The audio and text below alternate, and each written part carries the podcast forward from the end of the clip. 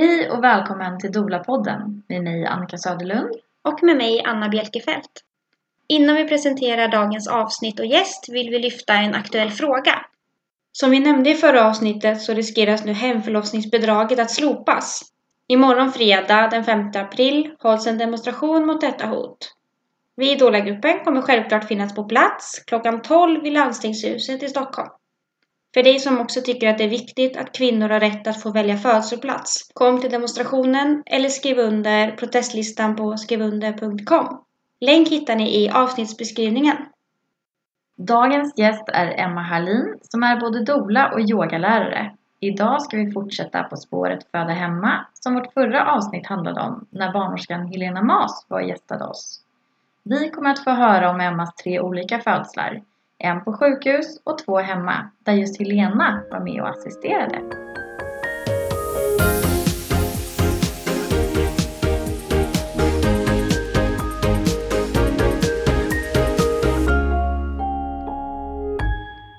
Idag har vi alltså en gäst med oss, Emma Harlin. Välkommen till oss! Tack snälla. Kan inte du berätta lite mer om vem du är och vad du gör?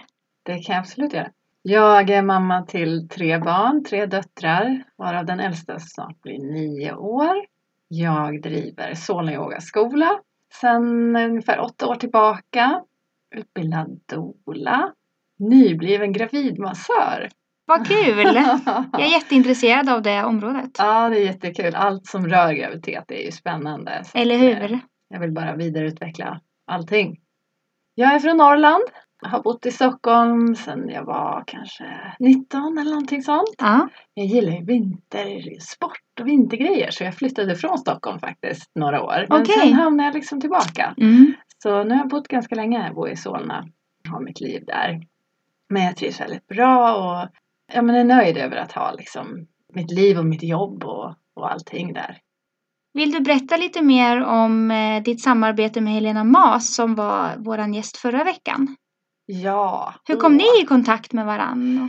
Ja, vi kom i kontakt eh, när jag skulle föda mitt andra barn, Indira, som snart blir fyra år. Jag gick hos en annan Helena faktiskt på MVC som också är hembarnmorska. Och det var genom henne då som, eller det var hon som frågade Helena Mas om hon ville bistå födseln, hemfödseln. Och Hon bodde bara då en kvart från mig eller någonting sånt där, kanske lite längre. Men på Färingsö i alla fall bodde vi båda två. Så det var jättebra. Så då var Helena ganska nyutbildad inom kinesisk medicin. Mm. Nu var det barnmorska väldigt länge men ny då inom det området. Så jag hade lyxen att hon kom hem till mig och gav mig behandlingar där i slutet Åh. av graviditeten. Härligt. Så vi hade ju massor med tid att lära känna varandra Mm. och utifrån det liksom så, så ledde det vidare. Jag har ju jättelänge tänkt att jag ska ha en barnmorska liksom anknuten till mig Mm. eh, på gravidyogan och kunna erbjuda det mervärdet också för de gravida. Mm. Ehm, Så jag har liksom spanat lite efter barnmorskor men inte tyckt kanske att någon liksom var precis så där som jag önskade att det skulle vara. Men sen träffade jag Helena och då liksom ändrades allt. Jag fattar det. Helena är fantastisk. ja, hon är underbar. Så mm, när jag skulle börja jobba igen efter andra barnet då frågade jag henne Ska vi samarbeta? Det har vi gjort sedan dess. Roligt. Ja, jättekul. Och hur ser ert samarbete ut? Vad är det ni, ni gör? Ja, det började med att hon fick gästa gravidyogan eh, som en förlossningsförberedande klass. Som jag har haft i gravidyogan alltid men jag har hållit den själv och det blir ju liksom en annan dimension när det kommer en barnmorska och pratar liksom utifrån hennes erfarenhet också. Så det började så, en, eh, en och en halv timmes klass som alltid drog över och blev två timmar. Mm. Och sen kände vi att nej men två timmar det räcker inte riktigt och vi vill ju så gärna få med partners också. Ja. Så då blev det också att vi började utveckla profylaxkursen som vi håller Mm. som är fyra timmar. Och där kände vi också att fyra timmar räcker inte riktigt. Nej. Vi brukar dra över ändå. Mm. För det finns så mycket. Det finns så mycket bra att prata om och Mm. dela med sig av till de som ska föda. Så att liksom får en bättre förutsättningar Mm. för att liksom skapa någonting bra. Mm. Nu ska vi väl också vidareutveckla lite grann vårt arbete jag och Helena. Så vi ska faktiskt ha en, en heldagskonferens nästa vecka. Så Mm. vi se vad det, vad det blir, vad det tar vägen. Så eh, Helena kommer till dina klasser och eh, vad är det då som är hennes del? Vad pratar hon om och vad är hennes ansvar? Ja, men vi brukar ju dela upp det lite grann så att hon pratar mer om eh, hon brukar gå igenom på ett bra sätt förlossningens olika faser Mm. eh, som har ett mera fokus av liksom det känslomässiga. Det kan liksom vara hur, hur man kan iaktta en kvinna och se och liksom ana. Och lite så här eh, olika tricks också som Mm. man kan liksom kanske ta reda på hur öppen hon är till exempel. Mm. Finns det sådana olika liksom gammal kunskap? Mm, det pratar hon lite om. Mm, jättekul är det. Mm. Så att alla blir så här, va? Är det sant? Ja! Så att eh, det brukar vara hennes del. Men sen det som brukar hända är hon, hon kallar sist kallade hon oss för Filip och Fredrik. Vi bara kör! Jag bara, är det en komplimang? Nej, förlåt. Nej, jag vet inte.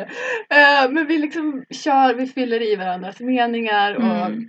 Hon säger något, jag får en liksom tanke kring det och lägger till någonting som jag ser utifrån mitt perspektiv. Mm. Eh, Så vi kompletterar varandra väldigt bra. Så även om vi brukar dela upp det så blir det också väldigt mycket att vi tar varannan mening. Leder det lite olika liksom, riktningar varje gång faktiskt. Så Mm. det, det är väldigt olika. På så sätt är det ju fantastiskt. Alltså om ni kan eh, att det blir lite olika beroende på kanske behov av gruppen tänker jag. Precis, Och för det är olika frågor efter. och liksom, det kanske har varit något i media precis som Mm. har fått eh, de gravida att börja undra kring specifika frågor Mm. och, och sådär. Eh, så att det, ja men vi liksom följer och känner in gruppen Mm. och sen blir det lite olika från gång till gång. Vilket Mm. också är lärorikt. Vi brukar lära varandra varje gång någonting. Bara, Va? Är det så? Ja, Jaha, okej. Så himla härligt att det inte bara står still då och blir samma sak varje Ja, gång. nej, det hade varit tråkigt. Ja. Jag tror inte hon och jag klarar det. Någon Nej, oss. men det är bättre kanske att inte ha en, liksom ett schema Ja, en... vi har väl några lösa tankar och sådär. Ja. Men, men sen brukar vi fråga varje gång varandra innan vi ska köra igång. Vad är det vi brukar säga egentligen? Mm. Vi får se hur vi kör. men det är jättehärligt att Ja. det blir så spontant men att ni ändå båda Mm. har era liksom, kunskaper Ja. tänker jag och bakgrunder. Ja, men det är jätteroligt.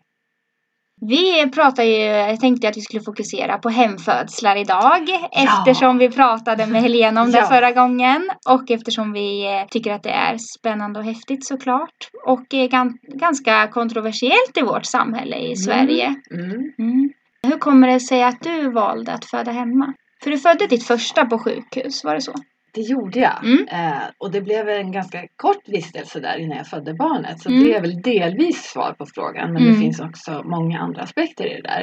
Eh, men det jag kände framför allt eh, utifrån min första erfarenhet var ju att jag hade större tillit till min förmåga att föda barn. Större liksom, förtroende till att det här kommer gå bra. Mm. Än vad jag mötte när jag väl kom in på förlossningskliniken. Mm. Så det blev en krock för mig. Mm. Och också att eh, under den kvarten ungefär som det tog innan bebisen var ute. Är det sant? Mm. Så han vill liksom ha, jag skulle inte kalla det en dialog, det är nog för snällt uttryckt. Mm. Eh, men jag ville inte egentligen att de skulle kontrollera så mycket för jag ville ju bara få föda barnet. För Mm. de konstaterade ju när jag kom in där och skrek att eh, hon måste ut i ren Mm. panik. För jag kände ju att det var liksom väldigt nära. Att jag var öppen 10 centimeter och det var dags att krysta. Eh, då Hade du de- krystvärkar när du kom in? Nej, det hade jag inte. Jag tror att jag höll ihop ganska bra i bilen. Mm. Men så fort jag stod där vid entrén så kände jag att nu slappnar jag av för nu är jag här. Och jag fick ju panik för dörren var låst. Jag bara Mm. shit, nej jag hinner nog inte nu liksom. För då hade jag släppt på allt och visste nu äntligen. nu får jag. nu får jag. Ja, så nej men de skulle sätta CTG och det var en barnmorskestudent som gjorde det. Hon fick inte riktigt till det. Eh, under tiden jag liksom krystade. Så, Ni ser att, inte mig nu men jag himlar med ögonen. Ja, precis. Så då ville de sätta en elektrod och jag sa att nej, absolut inte. För jag var så bestämd på att det är inte det som jag vill att mitt barn ska möta, det första liksom, eh, från den här delen av liksom, livet. Men då tyckte de att nej, men då måste du lägga dig på rygg istället. Jag ville ju vara liksom, upprätt.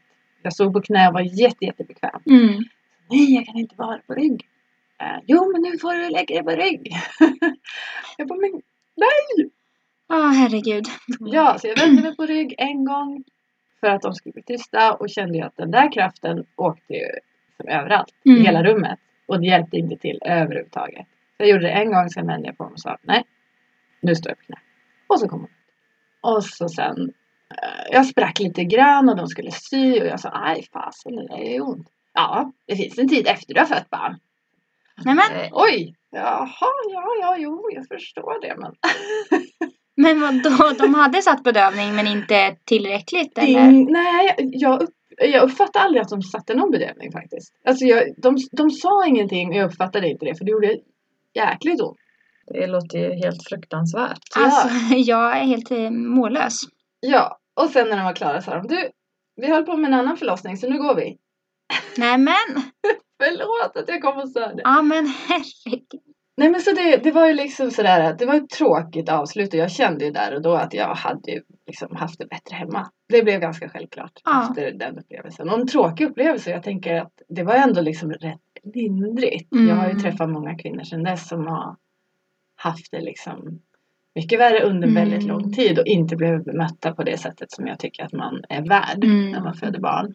Eh, så jag tänker om jag kände så efter den kvarten, hur känner då kvinnor som har varit liksom i det i 12 timmar? Och vägen tillbaks från det. Precis. Mm. Den är ju lång. Mm. Eh, även fast allting gick jättebra för mig så jag kunde inte ens prata om den här förlossningen. Jag började ju bara gråta och liksom var helt sådär skakig och det var ju hemskt. Mm.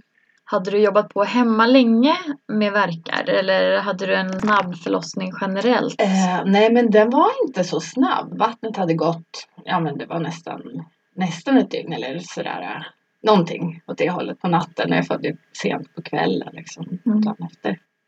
Eller samma dag blir det ju. Så jag hade varit in på Danderyd och de hade gjort en undersökning och jag kände ju att jag var liksom i verkarbete men jag vet inte om den där CTG-apparaten inte funkar för dem. Nej, vi ser ingenting. Vi ser inte att det händer någonting i din kropp. Fast ja, det verkar liksom. Det är bara så här, du känner fel. Ja, jag kände fel tydligen.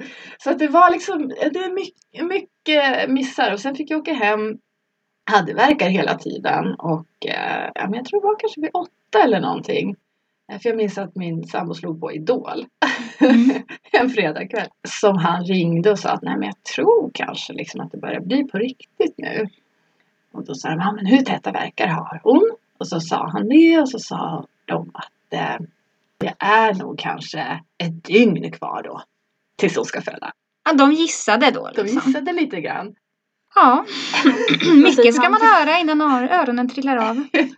Ja, så utifrån det var det så självklart för mig att eh, ska jag bli gravid igen, kommer jag bli Mm. gravid igen, då, då blir det hemma. Då måste det bli hemma. Men hur var den här tiden när du var hemma och hade verkar? Vad gjorde du under den tiden och hur kändes det? Um, nej men jag var faktiskt mest i soffan och liksom tyckte att jag har ju hört att det ska göra väldigt ont att föda barn och att ha verkar så jag tänkte att det här är väl inte så himla farligt ändå så att jag, jag gjorde inte så himla mycket. Jag rörde mig och hittade olika positioner och jag hade bestämt mig innan eftersom eh, jag hade liksom gjort mycket yoga och sådär att jag skulle köra som en mental yoga nidra där man liksom går igenom kroppens olika delar och tänker avslappning. Liksom. Mm. Så man går hela vägen från liksom, fingrarna till tårna och så runt och hit och dit och framsida baksida. Jag bara, det ska jag tänka på så att jag Mm. håller mig avslappnad och att jag hittar delar av kroppen där liksom jag kanske har spänning utan att jag tänker på det. Så det hade jag bestämt mig för och också hade bestämt mig för att fokusera på att ha långa utandningar för Mm. att kunna slappna av. Liksom. Så det var de två grejerna som jag liksom höll i, liksom, i fokus på något sätt. Då. För du hade hållit på mycket med yoga innan. Ja, jag, jag har ju det. Sen, ja men nu är det 15 år tillbaka. Så det var liksom en naturlig del av min graviditet också. Som jag tyckte var jättebra. Ja, så det blev liksom naturligt att jag valde några grejer därur som jag tänkte att det här kommer att kunna hjälpa. Jag hade pratat med en barnmorska på MVC och frågat liksom, tycker du jag ska gå någon, någon slags kurs? Eller liksom, vad, vad tänker du? Bara, jag tror inte att du behöver det. Prova det var någon som yoga." gissade som hade rätt. ja. Nej men så det gick jättebra. Jag, jag fokuserade på det och så hade jag och liksom min dåvarande sambo då tänkt att ja men då, han ska ju massera mig och vi ska liksom göra allt det där som jag hade övat lite grann innan. Men vi fattade ju inte att det var liksom, vadå? Att ni hade behövt använda det kanske lite mer. Eller behövt, men de hade Nej kunnat men det. precis, det hade ju varit liksom lite extra lyxigt. Men, Mm. men varken han eller jag förstod ju att det var så nära liksom tills ett barn skulle födas. Så vi tänkte vi gör väl det sen då när vi Mm. kommer in på förlossningen. Men, eh, nej, men det kändes ju jättehanterbart. Det var lite jobbigt att få en tidsangivelse bara. Att det är Ja. något dygn kvar. Eh, men i övrigt så så var det lugnt. Så jag var Mm. hemma. Hemma länge. Och så säger de, många brukar säga då, "Ja, men då gjorde du hela jobbet själv. Ja men det gör du alltid. Exakt, det gör man Det alltid. gör du alltid Mm, oavsett om du är där eller här eller Ja. någon annanstans. Helt klart. Ja, men då känns det som att det var ganska eh, förståeligt eh, beslut att föda hemma andra Ja. barnet. Ja, Hur det var många det. år var det gick där, däremellan? Åh, vad är det, vad är det nu? Fem och ett halvt år. Och hur började du då med den tanken när du blev gravid? Och...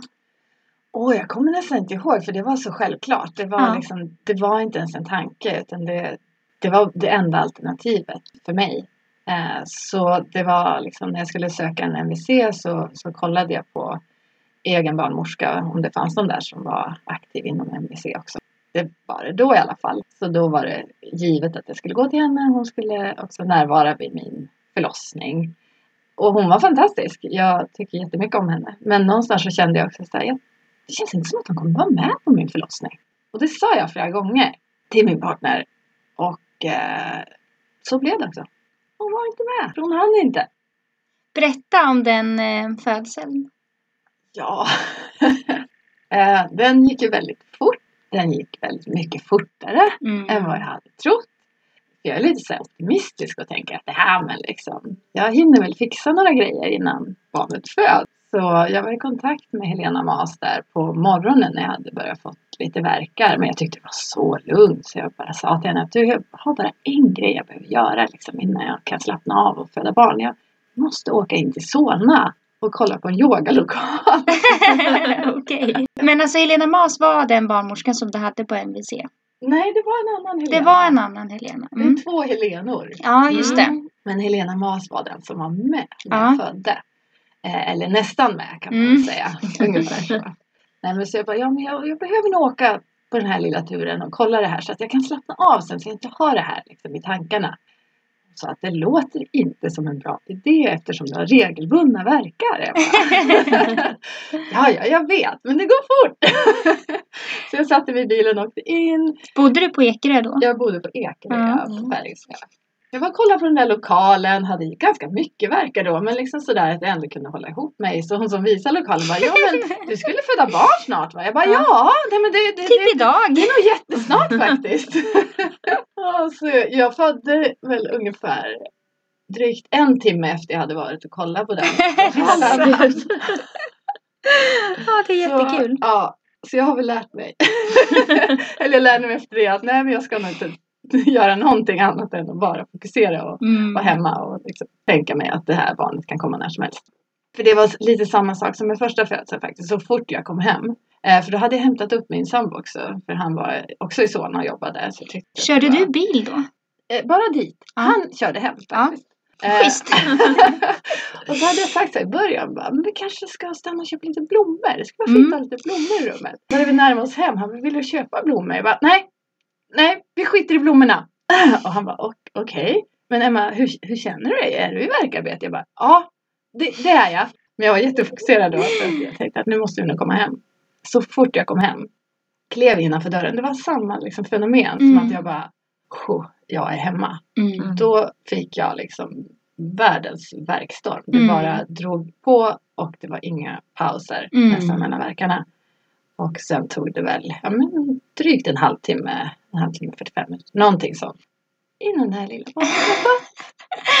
Men hade ni, hade ni ringt då till er barnmorska? Ja och- men jag smsade när jag kom hem och sa att ja, men nu är det nog ganska kraftigt. Mm. Men jag hade också sagt till Helena Mas att, eh, och Helena Nash som skulle ha varit med helst av allt så vill jag att ni kommer bara i slutet. Typ Mm. att ni kommer och tar emot barnet. För jag ville på något sätt göra det mera själv och bara ha det lugnt. För jag kände mig jätte, jättetrygg med den tanken. Det fanns liksom ingen tvekan i att det skulle vara på något annat sätt. Så jag hade, jag hade sagt det. Nej men det vill jag. Jag vill inte att ni lägger er i. Jag vill inte att ni gör så mycket. Liksom. Utan jag vill bara att ni är där som någon slags backup. Så att jag smsade Helena att ja, men nu kanske det ändå behövs liksom att du kommer. Och hon sa att jag ska bara äta en macka så kommer jag. Mm. Så läste jag svaret och hade den där verkstormen. Jag bara äta en macka. Okej, ja, ja, nej men det, det, det går nog bra. Jag kniper lite och jag försökte nästan göra det faktiskt. För jag hade Mm. kämpat väldigt, väldigt hårt för att få igenom den här hemförlossningen. För de klassade mig som hög risk. Och det får man inte vara. Varför då? Jag har haft en fråga. blodpropp för jättelänge Mm. Eh, som är utrett och jag har ingen ökad liksom, risk för det eller så. Men eftersom man har en generell ökad risk när man är gravid så, så skulle jag ändå stå på Fragmin eller blodförtunnande, Inohep, samma sak. Och när du tar det så har du ökad blödningsrisk när du föder. Mm. Så jag träffade väldigt många läkare för att kunna få det här godkänt. Men alla sa ju samma sak. Det var liksom, det var en stämpel i pannan Mm. och det enda jag hörde från alla läkare jag träffade var hög risk. Vi vill att du föder här. Men det vill inte jag. Jag känner mig inte trygg med det. Eh, jag tycker liksom inte att man kanske blir sedd på det sättet som man ska. Hon kunde inte förstå det än på specialistmödravården. Och så, I samma veva så gav hon mig ett provpapper med ett annat namn och en annans personnummer. Jag sa, ja men. Eh, det där är inte jag. Jo, det där är du. Nej, det där är inte jag. Men vadå, hon bara, jo det är det. ja, försökte några gånger och då sa jag, förstår du nu vad jag menar? Varför jag inte vill? Ja, exakt. Det liksom var som att, ja, det sa sig själv. Men till slut så träffade jag eh, Karin på Huddinge. Som inte var så rädd för det här, liksom att, eh, att man hade en önskan av att föda hemma. Så hon hade ju pratat med en specialist, en Mm. hematolog, som hade sagt, ja men det är visst möjligt, det är jättemöjligt, vi kan göra så här. Att hon slutar att ta det blodförtunnande ungefär en vecka innan, beräknat förlossningsdatum och så fortsätter hon någon gång efter förlossningen. Eh, då finns det inga ökade risker åt något håll Nej. whatsoever. Så enkelt var det egentligen. Men det finns ju väldigt mycket rädsla liksom. Och Mm. ingen läkare vill liksom, kanske ha det på, på sitt ansvar och sådär. Och kanske inte heller är så intresserade av att kolla upp utan de, de tar det första bästa Mm. svaret. Det är bara ja eller nej liksom. Det är ja eller nej och så är det Mm. hög risk eller inte. Så det var bara det. Jag var Mm. bara hög risk. Jag var inte så mycket mer än en del. Nej men så då tänkte jag där när jag hade liksom mina täta täta verkar och jag kände att lilla Indira var liksom på väg ut. Jag försökte på alla sätt hitta positioner som inte var gynnsamma Mm. för att barnet skulle komma ut. Men det, alltså, hon är ju en kruttjej fortfarande Ja. idag och det var som att det visade sig redan där. Det, det spelade ingen roll vad jag gjorde liksom. Hon skulle ju vara ut. Så jag hade en liten pool där hemma som vi hann fylla med liksom, ja med fem centimeter vatten. Eller något sånt. och sen så kände jag att nej, men jag kan inte vänta in Helena. Det här går ju inte. Jag måste ju bara kliva in i poolen. Och bara genom att sätta fötterna i poolen så var det som världens smärt, smärtlindring. Jag bara, Mm. wow, gud vad skönt det här var. Och då var det inte ens kroppen, liksom, det var fötterna. För det låg där i en liten plaskdamm liksom. Ja! så var det. Så hon kom in och hon hörde att jag liksom, ja, att det var nära så hon bad min partner liksom ta av, hjälpa till att ta av henne strumporna och så klev hon in i poolen och så tog hon emot en liten bebis. Okej, så hon hann. Hon hann. Ja, hon. man kan inte riktigt säga att hon var med under Nej men inte riktigt. förlossningen Jag- men under själva födseln på något sätt. ja men precis. Hon var där och hon gjorde det som jag hade önskat. Hon var Ja. där och tog emot. För jag ville liksom bara fokusera på att krysta. Och Ja. att liksom hon skulle finnas där. Och sen var det ju fantastiskt efteråt. Det var ju, hon var ju där några timmar efteråt. Och det var ju helt annat än förra gången. Så där var liksom där var terapin och, och läkningen från, från det förra. Så det var perfekt. Helt perfekt. Häftigt. Ja. Och hur mådde du sen i liksom kroppen och hur gick det med eventuell blödning? Och...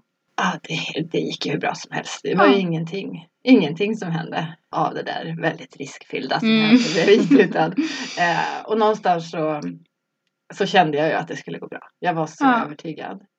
Och eh, nej men jag, jag sprack inte, jag behövde inte sy. Jag kände mig jättepigg. Och, ja, det var bara underbart. Så enkelt. Så himla underbart att höra. Man blir liksom, det är så här gåshud. Alltså så, för man hör ju om det där med att det kan vara läkande. Som Ja. andra förlossningen Ja. av en första. Ja, precis. Ja, det är viktigt. Det är viktigt Mm. att eh, helst önskar man att ingen hade en på något sätt en traumatisk förlossning. Men det är väldigt, väldigt viktigt att få den där revanschen på något sätt. Mm. Och där tycker jag Helena gjorde ett fantastiskt jobb. För hon lyssnade in mig så mycket och sa Mm. att ja, men jag förstår liksom, du, du vill inte att jag ska göra så mycket. Och det var liksom, det var det finaste hon kunde göra. Att, Mm. att inte göra på något Ja. sätt. Liksom. För att hennes närvaro är ju där och det var det som var det viktiga. Precis. Mm. Det som är tryggheten att Mm. veta liksom. Ja men exakt. Mm. Det, var, nej, det var fint. Jag tänker också när du berättar att det är så häftigt att verkligen höra så här, någon som har sån stark tillit till sin kropp och Mm. våga lyssna på det och gå med i det. Ja, för jag, jag, jag tänker för jag, jag vet att det funkar så för mig. Liksom. Jag, jag kände så starkt att det här behöver jag göra. Det finns liksom inte alternativ. Men jag tänker andra som är lite tveksamma och så kommer de till alla dessa läkare. Jag träffade många kan jag säga. Som bara klassar den som högrisk. Där någonstans så förstår jag att många börjar tveka och tänker att nej okej. liksom. Ja, men såklart. Och så vågar man inte stå kvar i det som känns rätt för en själv. Mm. Eh, Men, men för mig blev det jättesjälvklart att göra det. Eh, Och jag är jätteglad för det. att Det är så. Och Jag, jag önskar verkligen också att eh, liksom, det kan inspirera andra kvinnor att våga lita på liksom, sitt val och, Mm. och sin känsla och sina önskemål. Liksom. Hur var det med människor runt omkring? Blev du stöttad i det här med att föda hemma? Jag tror att jag, liksom, jag försöker tänka på det där. Jag tror inte att jag pratade så mycket om det. Eh, jag pratade såklart med min familj och de som jag har närmast runt omkring mig. Och de var väl inte alls förvånade utan de bara, men vi förstår det. Ja. det räcker ju ändå med att höra första förlossningen så ja, tänker man ja. Ja, eh, och liksom de känner mig, de vet hur jag funkar och, och, och, och jag funkar så liksom. Jag, jag tror att jag kan det här. Eh, så det var liksom inte så mycket utan det var mer eh, ja men kanske sådana som är lite mer ytligt bekanta eller sådana som finns i ens närhet men inte som är nära nära familj. Eh, där var det liksom oj vad modigt. Mm. Får man höra oj vad modigt. Ja, Mm. jag tänker inte så men och så finns det liksom en kanske en liten underton av och lite dumt. Ja, exakt. Men, eh, ja, men skrapar man lite på ytan och frågar men varför är det modigt? Och, och liksom, för det är också där man möter att ja, men om, om någonting Ja. händer och om någonting går fel då brukar jag oftast fråga men vad är det du tänker på då? Och då är det oftast inte riktigt att de har någon klar idé utan det- visar mer hur vi har kommit att associera liksom födslar och Ja. förlossningar. Att det är jättefarligt och jätteriskfyllt. Och att tankarna går väldigt snabbt till det. Mm. Självklart finns det risker men det finns risker med mycket annat också. Ja, Där vi inte fokuserar så Mm. mycket på det utan vi fokuserar på liksom wow, häftigt, Exakt. kul. Ja, bara, men ska du ut det." och åka bil? Så bara, oj vad modigt. Nej men precis, det är inte så här, ja men igår var det en trafikolycka. Jag Ja, hörde då mm. att det var någon som drabbades Mm. allvarligt. Det är inte det liksom någon säger. Och så är det ju i många aspekter. Jag lyssnade på något TED-talk med en barnmorska som sa hon jämförde liksom att springa ett maraton till exempel. Mm. Eh, Inte ansträngningsmässigt då, utan mer att det händer ju att folk kollapsar när de springer maraton absolut. också. Men när du berättar om det så är det inte det som folk bara, nej men vet du, nej det ska du nog inte göra. Nej. Nej. Ja men det, det finns mycket spännande kring det här. Så man märker att det finns också ganska mycket okunskap kring, Mm. kring födslar. Och, och många har ju också blivit liksom intutade på något sätt att ja, hade de inte fött på sjukhus så hade Ja. det inte gått bra. Men sen kan man ju undra vad, vad var det då som hände egentligen på vägen? Ja. Och, och fick den personen allt stöd och, och Mm. hjälp? Och liksom, gjordes det på rätt sätt? Ja. Kan man ju också fråga.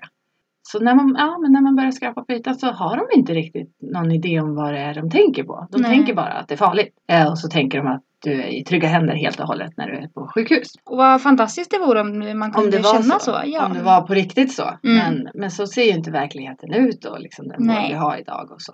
Den är ju inte riktigt där. Nej, Nej. verkligen inte. Men din partner då? Vad tänkte din partner om föda hemma? Ja men han var helt med på det. Det var liksom inga diskussioner, ingen tveksamhet utan det var självklart. Vad skönt. Ja, ja men det, var, det är ju viktigt för man vill inte gärna ha någon där som oj oj, håller det på att gå fel? Nej, precis. Och ha den rädslan liksom. Eh, men det hade han inte. Och Nej. sen så gick det också så väldigt fort så jag tror inte liksom, han ens skulle kunna tänka så om han, om han var lagd åt det hållet. Nej, nej, exakt. Det är ganska tydligt när du berättar, tänker jag, vilka som de stora skillnaderna är mellan att föda sjukhus, på sjukhus och föda Mm. hemma. I alla fall hur det var för dig. Men vad Mm. tänker du liksom allmänt sådär? Vad kan vara de stora skillnaderna? Ja, nej men eh, jag tycker nog att, eh, ja men dels så kände jag där första gången att jag undrade på något sätt om, om de som jobbade där, de som tog hand om mig i alla fall, hade reflekterat så mycket om vad en naturlig förlossning är. Och eh, att ta in och läsa av kvinnan. För Mm. alla behöver ju olika, alla vill ha olika och det Mm. tycker jag är bra. Jag tycker inte att det finns ett sätt och att alla ska föda på det sättet som jag känner mig trygg med. Så är det ju inte. Så Jag tycker att det ska vara mycket mer nyanserat och anpassat efter kvinnan. Och eh, där mötte ju de en kvinna som hade jättestark tillit till sin förmåga att föda Mm. barn. Och då hade man ju önskat att de liksom läste in och kände in det och kunde möta det och liksom. mötte Ja, det. och Liksom. uppmuntrat det. Mm. Ja, och hade följt med liksom i, i det istället för att strida emot och, och tänka på vad, vad de tyckte att de skulle göra. Rent rutinmässigt liksom. Så det var väl en, en jättekrock för mig. Och sen också liksom den där timmen, timmarna efter hur, hur man tog som hand eller snarare inte tog som hand. Ja. Det var en jätteskillnad. Och den delen är ju någonting som jag inte ens har upplevt eh, med mina två hemfödslar. Liksom, den är ju bara mysig liksom. Ja, men de Mm. kollar lite grann och liksom ser så att allt ser okej ut. Men det liksom fortsätter att få vara det där bara mysiga och lugna och, Ja. och fina. Eh, så att eh, det har väl jag upplevt som allra största skillnaderna. Eftersom jag inte hann vara så länge på sjukhuset heller så hann jag inte märka. Det var inte jättemånga saker liksom som du kunde nej, peka på, jag fattar. Men Emma, vill du berätta lite om den andra hemfödseln också? Hur Ja, många år senare var det? ja men det var ju eh, två och ett halvt år ungefär Mm. senare. Så föddes lilla Lucia. Mm. Och hur gammal är hon nu? Hon är ju drygt ett år, föddes i september. Mm. Ja. Den tredje förlossningen, ja, men de är olika allihopa. Mm. Det som jag hade lärt mig och tagit med mig var ju att liksom börja i tid. Om jag ska vara i poolen, Mm. fyll upp den i tid. Så äh, men det var fint. Eh, Helena var ju med igen, Helena Mas. Det var ju självklart att hon skulle vara det. Mm. Jag skulle ju nästan kunna ha liksom planerat allt utifrån att hon skulle kunna vara med. Ja. Liksom, så kändes det verkligen. Och sen hennes kollega Lena också. Mm. Så att de kom hem till mig. Eh, för jag hade liksom önskat lite grann av, av många olika anledningar att liksom det här barnet skulle födas ungefär när det var då beräknat. Även om det är ett väldigt ovisst datum. Men, men Helena sa, men jag kan komma hem, du kan få lite akupunktur och ja, sådär. Så, så, så ser vi vad som händer om kroppen är redo och bebisen är redo. Så jag fick akupunktur och vi var ute på en promenad och vi käkade lunch och värsta lyxen. Liksom. Mm. Jag hade ju aldrig haft barnmorskor vid min sida. Nu hade jag det redan innan verkarbetet. Ja. Och det här var vid. BF eller? Ja, det Mm. var det. Eh, så vi hade en mysig dag och sen så fick jag akupunktur en gång till. Eh, lite mera liksom fokus igångsättande fast ändå inte. Mm. Men, men om kroppen är redo så kan det vara det som liksom gör det där sista. Och då under tiden jag låg med nålarna så kände jag att det liksom startade igång. Häftigt. Ja, det var det. Så då, då kände väl jag att nej, men nu, nu är det igång. Mm. Även om det var ganska mjukt och försiktigt. Och Helena och Lena sa men vi åker hem några timmar och så, och så ser vi vad som händer. Mm. Ehm, men fyll upp poolen sa de. Mm. Och din sambo då? ja, alltså det är en lång story men han var Mm. faktiskt inte med. Okej. Så att jag var själv, delvis själv. Mm. Eh, fast jag hade min nioåriga dotter. Mm. Eller ja, hon som blir nio snart. Eh, hon hade önskat redan att få vara med vid andra förlossningen. Okej, vad fint. Men då var hon i Åre. Eh, så nu sa vi att nej men nu, nu ska vi försöka allt vi kan liksom att hon var med. Så hon var faktiskt min dola. Gud vad mysigt. Det var, det var helt fantastiskt ska jag säga. Eh, hon var så cool. För vi fyllde upp den där poolen tillsammans. Och så tänkte vi att men vi har väl lite spakväll då. Så vi tände ljus, vi slog på musik, vi hade det mysigt och verkarna liksom, ja men blev ju mer och mer påtagliga. Det märkte ju hon också så att jag sa till henne att vet du när jag får en verk nästa gång då, då behöver vi vara helt tysta för då behöver jag koncentrera mig för nu, nu kommer det här barnet liksom snart komma. Ja okej. Så då plaskade vi på lite grann när det inte var verk och så kom det en verk. Ja, nu är vi tysta och stilla. Hon var helt tyst. Och så höll vi på så och så under en verk så började hon massera mina axlar. Nej, Åh så, gud, så fantastiskt. Ja, så fint. Ja men det var fantastiskt. Hon bara, det ser ut som att du behöver det här mamma. Vi hade så mysigt. Det var, nej, men det var så otroligt fint. Mm. Eh, och också att kunna ge sin dotter det. Att hon får se någonting annat än en sjukhusfödsel. Ja, verkligen. Och sen kom ju Helena och Lena tillbaka. Och när de väl kom tillbaka så, så sa Lena att ja men nu Lilly ska du nog kliva upp liksom ur badet. Du kan ta ett sista dopp. Som jag, jag har filmat där också. Så man ser henne simma runt där lite grann bakom mig. Gud vad mysigt. Ja men det var ju skitmysigt och det regnade ute, det var så här mörkt. Mm. Allting var jättemagiskt.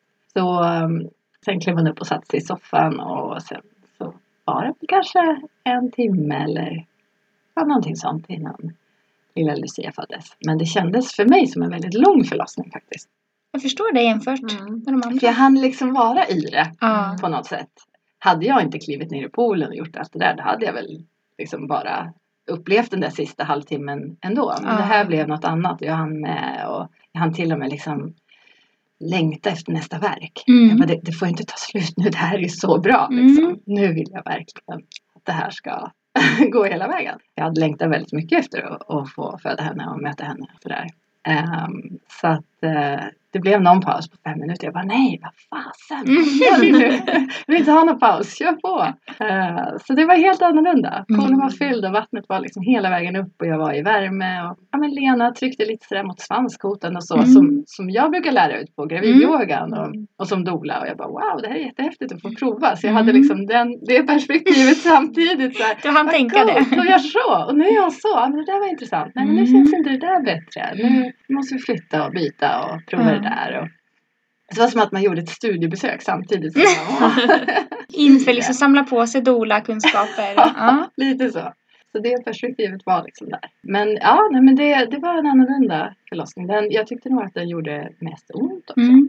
För hon låg också vänstervriden innan, Okej. innan hon startade sin, sin bana. Och om det var det eller om det var andra anledningar, det vet ju inte jag. Men det var lite, det kändes lite svårare liksom. Mm. Eh, Men det spelade ingen roll. Det är ju ändå liksom den förlossning som jag kände blev så bra. Så liksom smärtnivån är ju totalt oväsentlig. Den upplevelsen var bara fantastisk Mm. och superpositiv. Jätte, jättebra. tänkte på, det pratar ju vi som doula väldigt ofta om. Att huruvida en förlossningsupplevelse mäts positiv Mm. Har ju ofta inte med att göra huruvida man har tagit smärtlindring eller Nej. helt naturlig förlossning. Mm. Om förlossningen är snabb eller om den är Mm. mer långsam. Utan det har ju med att göra att just det att man fått vara trygg och Ja. att man har fått blivit sedd och hörd, respekterad och att man får föda efter sina villkor. Ja, Mm. det är absolut viktigt. Mm. Allting annat blir liksom, det spelar ingen roll. Man kan ta vad som helst. Bara Mm. det finns bra stöd där och bra människor runt omkring sig som man är trygg med. Då, då klarar man allt. Och eh, att man liksom är mottaglig för det stödet också som Mm. kan ges. Därför tänker jag att det är så himla viktigt att man väljer en doula som man verkligen klickar med hundraprocentigt. och- Ja, Eller barnmorska som man Mm. vill ha där. otroligt viktigt. Det är, liksom, det är den stora tryggheten. Och för mig blev det extra, extra tryggt eftersom jag visste att Helena hade varit med. Vi hade lärt känna varandra under många, många år och hon är en nära vän nu. Liksom. Så jag Mm. ringer till henne om diverse saker när jag behöver Ja. ventilera och, liksom, och så. Efter doula-uppdrag också kan jag ringa Mm. till henne och få hennes syn på saker. Det är jättebra. Så, nej men det var, det var ju så enkelt så jag behövde inte liksom egentligen prata om vad jag hade för önskemål den här gången utan jag visste ju att de visste.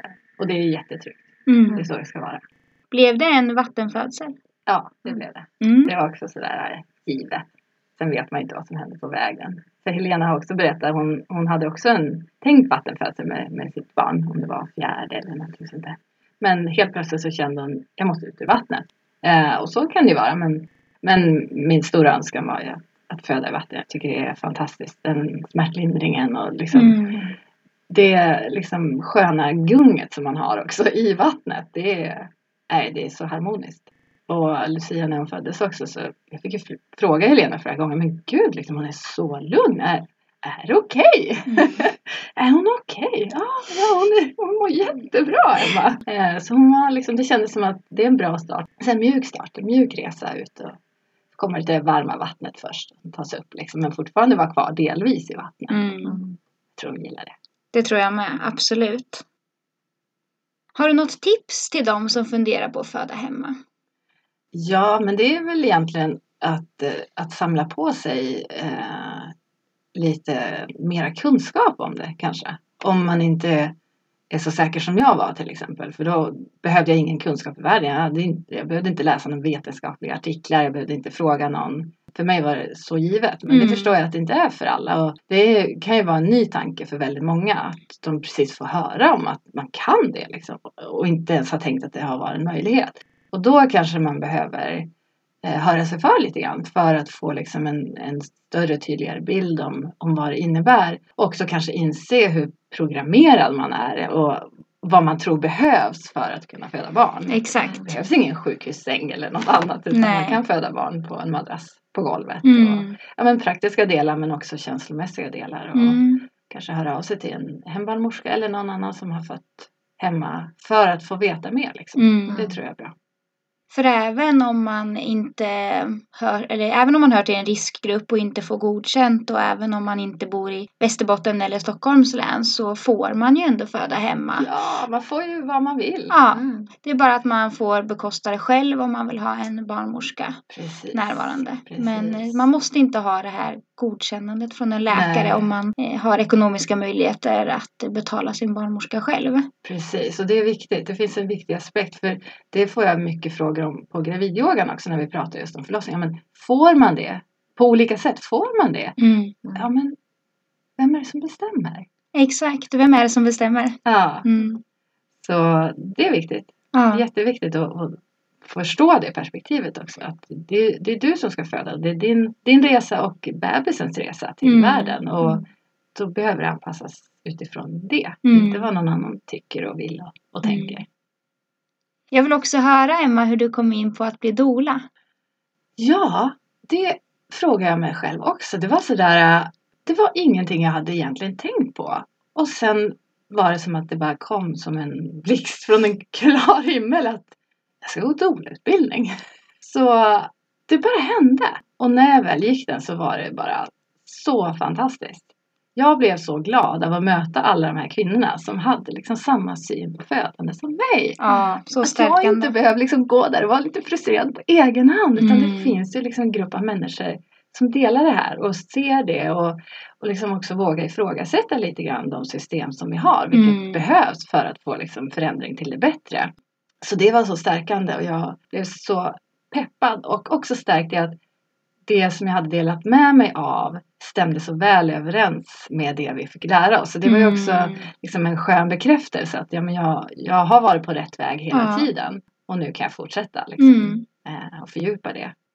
Har du hunnit dola någonting nu när du har varit gravid och fött barn? Väldigt lite kan jag säga. Jag förstår. Eh, men jag var faktiskt med på en förlossning nu bara för några veckor sedan. Mm. Eh, jätteglad att, att det blev så för jag, var, jag har precis varit i New York faktiskt. Så jag lever fortfarande i fel tidszon. Så jag har inte sovit så mycket i natt. Men eh, innan jag skulle åka så, så hade jag ett doula-uppdrag. Men det skulle också vara under tiden jag var i New York. Så jag hade tagit in en, en backup under de dagarna. Eh, men såklart hoppades jag ju på att jag skulle kunna vara med. Och det gjorde ju de också. Så, att, eh, så blev det. Det blev Mm. dagarna innan jag åkte. Eh, det var, ja men det är fantastiskt. Det är Mm. underbart. Och hon hade gått på min gravidyoga. Hon hade varit på massage. Och vi hade haft också väldigt mycket tid att lära känna varandra. Så jag hade liksom ganska bra koll på henne. Och, och hur jag tänkte att det skulle liksom se ut och gå för henne. Och ja, men det stämde väldigt väl. Jättestark kvinna som egentligen alla kvinnor är. Ja.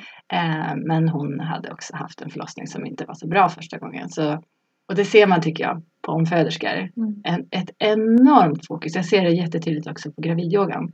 De suger åt sig allt på, på ett sätt som man bara kan göra när man har en tidigare erfarenhet av att föda. Oavsett om det är bra eller dålig. Men de vet de har någonting att liksom referera till och jämföra med och sådär. Eh, så hon var så fokuserad. Och det var så fint att få vara med. Och just att hon fick den där revanschen. Och Ja. Även för partnern. För det var också en jättejobbig upplevelse för honom första gången. Så att, eh, Mm. De var jättenöjda och tacksamma. Och det, det är det finaste man kan ge. Mm. Det är absolut. helt underbart. Verkligen underbart. Tack Emma för att du kom till oss. Tack så mycket. Tack för att jag fick komma. Det är kul. Man vill bara fråga fler och fler frågor. Liksom. Ja.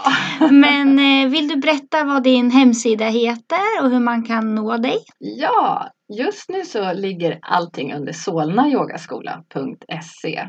Eh, Så småningom så kommer det nog en separat hemsida just för det som rör graviditeten. För Mm. det jag gör mycket på Solna yogaskola det är ju gravidyoga och man babyyoga och alla de grejerna. Men solnayogaskola.se just nu så där kan man läsa mer om kurserna. Ja, Spännande. tack igen Emma. Tack så mycket!